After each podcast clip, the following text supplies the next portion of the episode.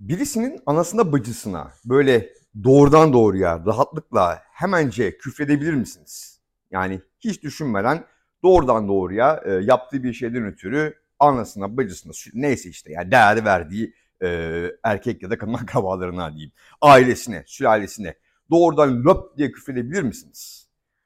Ya birazcık iyice insanın böyle zımanadan çıkması gerekiyor böyle bir şeyi yapabilmesi için. Ama mesela birisi bir şey yapıyor, e, ona hemen faşist diye veriyoruz. Değil mi?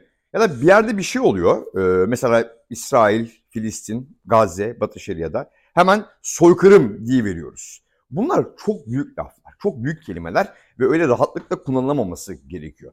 Bakın bizim tarihimizde e, faşizan dönemler oldu ama gerçek anlamda bir faşizmi biz hiçbir zaman yaşamadık. Gerçek anlamda bir soykırıma da hiçbir zaman uğramadık. Çok şükür.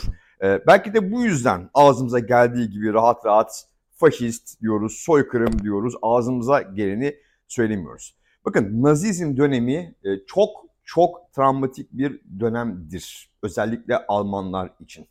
Bundan bir süre önce e, Sultanahmet'te bir bomba patlamıştı ve bazı Alman turistler ölmüştü.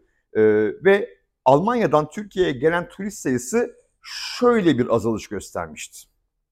Ancak Cumhurbaşkanı daha sonra Angela Merkel için Nazi dedi. Gelen turist sayısı nasıl düştü biliyor musunuz? Böyle düştü. Yani bir insan Sultanahmet Meydanı'nda bir patlama olduğu, birkaç turist öldü diye kendi seyahatini ertelemiyor. Ama gideceği ülkenin devlet başkanı Nazi kelimesini kendi başbakanı için kullandığı zaman gitmiyorum ben o ülkeye diyebiliyor. Bunlar önemli kavramlar, önemli tanımlamalar, büyük laflar bunlar. Biz ağzımıza geldiği gibi bunları konuşuyor, söyleyebiliyor olabiliriz ama e, bunların Batı dünyasında, Doğu dünyasında karşılıkları var ve ciddi alınan laflar. Bunun bir altını e, çizelim istiyorum öncelikle. Dolayısıyla hemen e, İsrail Başbakanı Benjamin Netanyahu için faşist e, diye verdik. Yine her zaman yaptığımız gibi.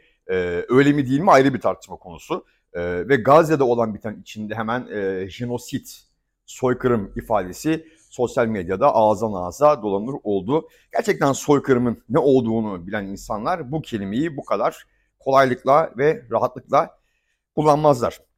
Şimdi İsrail ile Hamas arasında yaşanan savaş şu anda Türkiye'nin de dünyanın da gündeminde ortada bir insanlık trajedisi var. Ee, ve hemen ifade edeyim ki bu insanlık trajedisi her iki tarafta birden yaşanıyor. İsrail güçlü bir orduya sahip, güçlü bir bütçeye sahip bir devlet olduğu için, e, kısacası daha güçlü olduğu için daha sert müdahaleler yapıyor. Hamas tarafı da kendi yapabildiği kadar güçlü, şiddetli bir şekilde İsrail'e saldırıyor. Şimdi kim haklı kim haksız diye e, tartışmanın e, yersiz ve anlamsız olduğu e, çok ortada. Çünkü kimin haklı ve kimin haksız olduğu bu bölgede e, belki 5000 yıldır tartışılan bir konu. Burada YouTube'da bir videoda e, bunu çözebileceğimizi e, iddia edemeyiz. Ama e, bazı yansımalarını e, konuşarak bu konuyu değerlendirmemizin Türkiye adına doğru olduğunu düşünüyorum. E, bugün e, birazcık çarşıda gezdim. E, Cuma bugün biliyorsunuz. Cuma'ydı ve e, Cuma namazı vardı. Bazı camilerin önünden geçerken camilerin e, kapılarına, girişlerine, e, işte sütunlarına, duvarlarına e, İsrail Başbakanı Benjamin Netanyahu'nun resimlerinin asılı olduğunu gördüm. Eli kanlı bir şekilde e, resmedilmiş, biraz da karikatürize edilmiş e, Benjamin Netanyahu resimleri e, birkaç caminin duvarlarında, girişlerinde, sütunlarında asılıydı. Dışarıdan, içeride ne vardı bilmiyorum içeri girmediğim için. Böyle bir yansıması var. Yani ibadetlerini ifa etmeye oraya giden insanlara bir fikri, belki ideolojik bir dayatma ortaya konuyor bu şekilde. Bu birincisi. İkincisi, ben İzmir'in eski Yahudi mahallesinde oturuyorum. Karataş, bilenler bilirler. Ve e, oturduğum apartman da sinagogun, Bet İsrail sinagogunun hemen yanında. 3-4 gündür geleneksel olarak sinagogun önünde bekleyen birkaç güvenlik görevlisine ilaveten 2 adet, e, bazı geceler bir, bazı geceler 2 adet ekip otosunun da burada nöbet beklemeye başladığını gözlemledim. Korkuluyor. Neden korkuluyor? Ee, Karataş'ta e, İzmir'in eski Yahudi mahallesinde ki e, gerçekten bizim semtin e, Yahudi sakinlerinin sayısı çok çok azaldı. E, bir saldırı olmasından endişe ediliyor sinagoga. E, Neden saldırı olmasından endişe ediliyor? E çünkü işte İsrail-Hamas arasındaki bu durum.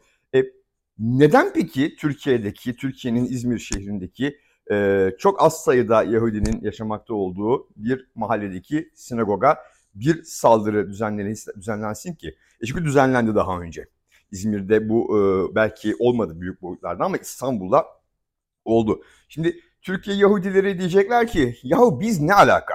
Diyecekler ki değil diyorlar. Biz ne alaka? Yani İsrail Filistin'e ya da e, Gazze'ye saldırıyor, e, orada bir operasyon yürütüyor, e, gerçekten ciddi insanlık trajedileri şu anda yaşanıyor diye Türkiye'nin İzmir şehrindeki e, bir sinagoga saldırmak ne alaka? İşte bu da ikincisi. Yani demek istediğim şu, gerçekten 16 yaşında bir oğlan çocuğunun tepkileri bunlar. Ergen tepkileri bunlar. Oturup doğru düzgün akılla, mantıkla verilmiş kararlar, geliştirilmiş duygular, hisler değil ne yazık ki. Bunu yapıyoruz. Yani e, kaba bir milliyetçilikle, kaba bir e, fanatizmle bu işin çözülemeyeceği, daha da e, karmaşıklaşacağı, daha fazla insan öleceği, daha fazla daha derin insanlık trajedilerinin yaşanacağını aslında e, hem tarih bize gösteriyor hem de şu anda yaşadığımız tarihin akışı içerisinde bizler de gözlerimizle görüyoruz. Biraz sakin olunması gerekiyor. Bu da e, akılla olacak ama o akıl ne yazık ki ne Orta Doğu'da hala var, ne doğru düzgün bizim toplumumuzda hala var, ne de gerçekten Batı toplumlarında bu anlamda hala var. Birazcık aklını başına alması gerekiyor insanlığın aklını başına şu ana kadar almadığı umarız alır. Hoşçakalın.